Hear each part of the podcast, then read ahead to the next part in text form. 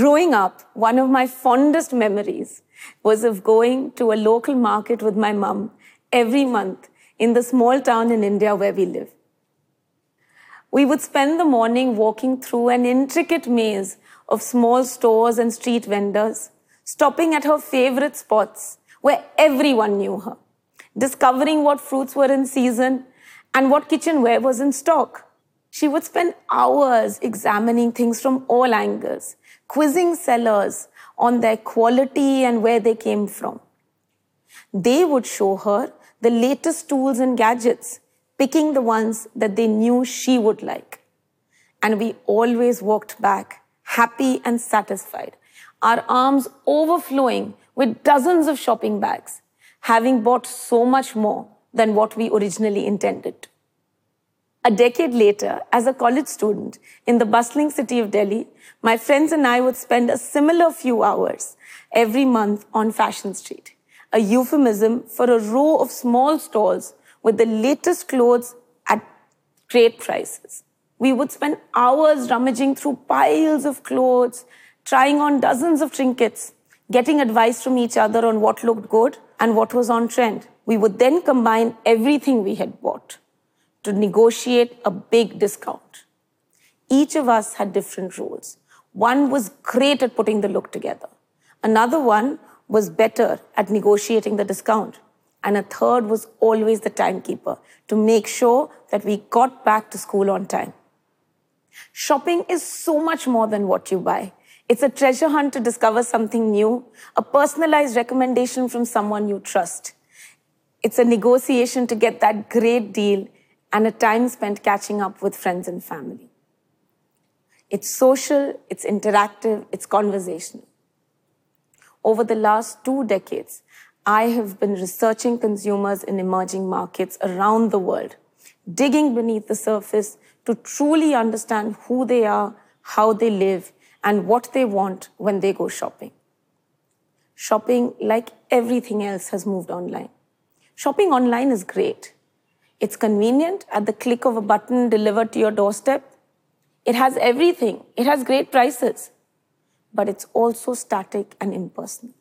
You sit alone in front of a computer or a mobile phone, scrolling through hundreds of choices, identified by an algorithm, delivered by a machine.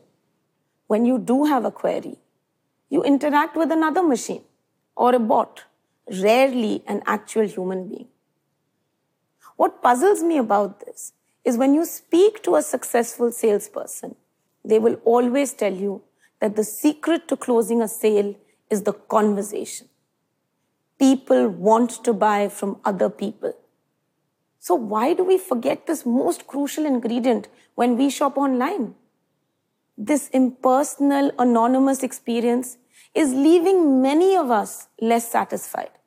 Returns are at an all time high and we're left feeling, did I buy too much? Did I buy too little? Does it really look good on me? Did I even need this?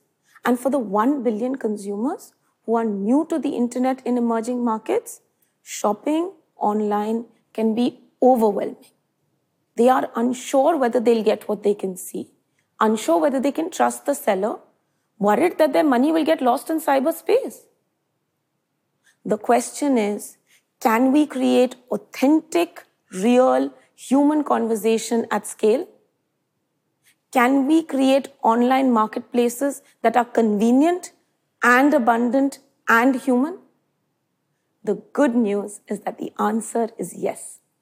Companies in emerging markets around the world, in China, India, and Southeast Asia, are doing just this using a model that I call conversational commerce. It's hard to believe, isn't it? But let me give you a few examples. First, Meesho, an Indian company, where you can build a trusted and authentic relationship with the seller online. The best part about shopping with my mum was that the sellers knew who she was and she knew that she could trust them. They would scroll through the hundreds of choices in the store and pick and make personalized recommendations just for her, knowing what she would like and what would work for her. It's hard to imagine such a thing happening online and at scale, but that's exactly what Meesho is doing. On Meesho, you can shop over and over and over again. But instead of interacting with a stranger or a bot, you interact with the same person, a representative of Meesho who is a real human being that you interact with via social media. Over time, she gets to know you better. She knows your likes, your dislikes, what you buy, and when you buy it. And you learn to trust her. For example, she will message my sister right before Diwali with a new range of handloom saris. She knows my sister loves saris. I mean, she has two cupboards full of them. But she also knows that my sister always buys a sari right before Diwali for the Indian festive season. And she also knows the kind of saris she would like. So instead of sending her hundreds of choices, she picks and chooses the colors and styles that she knows my sister would like. And then she answers her relentless questions. How does the silk feel? How does the fabric fall? Will this color look nice on me? And so many more. It truly is a hybrid model, combining the convenience and scale of a large company with the trusted personal relationship that you would expect from the shop around the corner. My next example is Laz Live. On Laz Live in Thailand, you can watch real sellers describing products to you via a live video stream. Now, I love handbags. And when I am in a store, I like to examine a handbag from all angles before I buy it. I need to feel the texture on my skin, hang it on my shoulder and see how it looks, see how long the strap is, open it up and look at the pockets inside to make sure that there is enough space for all the millions of things I need to put into my handbag. But when I try and buy a handbag online, I just see a few pictures, the basic shape and color and size. But that's not enough, is it? To solve this problem, Laz Live has developed a platform where actual sellers, real people, can share information about clothes, handbags, gadgets, cosmetics, describing the products to you, showing you what they are from the outside and the inside, explaining what they like and what they don't like. You can ask them questions and get instant responses so that you are much more comfortable with what you buy before you buy it. Over time, you can watch more videos from the same seller and they start to feel more like a friend than a faceless machine. And they help you understand what you're going to buy, stay abreast of the latest trends, and often discover things that you didn't even know existed.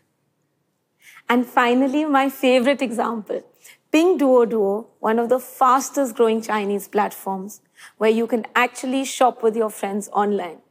You remember the fun I had shopping with my friends on Fashion Street? Rummaging through stalls, finding that perfect sandal, negotiating that great deal. Well, on Pinduoduo, you can do just that.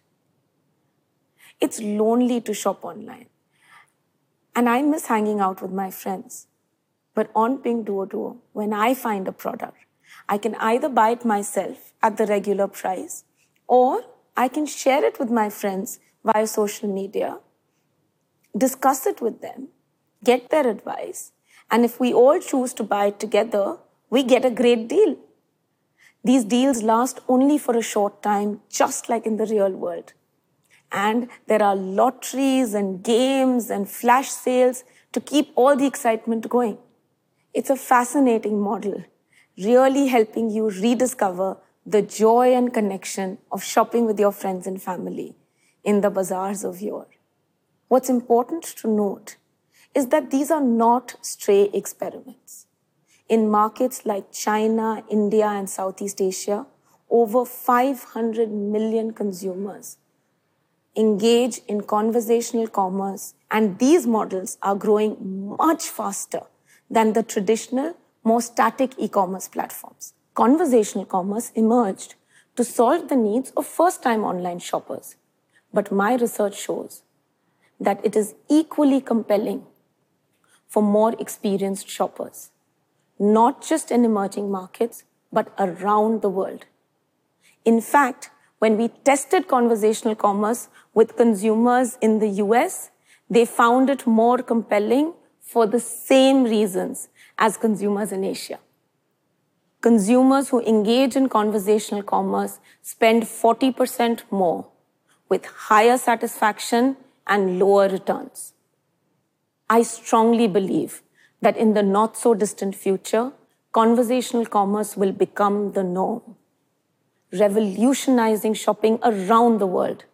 And traditional e commerce platforms like Amazon will need to adapt or risk becoming irrelevant. For brands, this is a crucial next step and an unprecedented opportunity. Moving on from mass marketing in the 20th century and analytics based hyper personalization in the last two decades to building a truly authentic and deep personal connection with their consumers.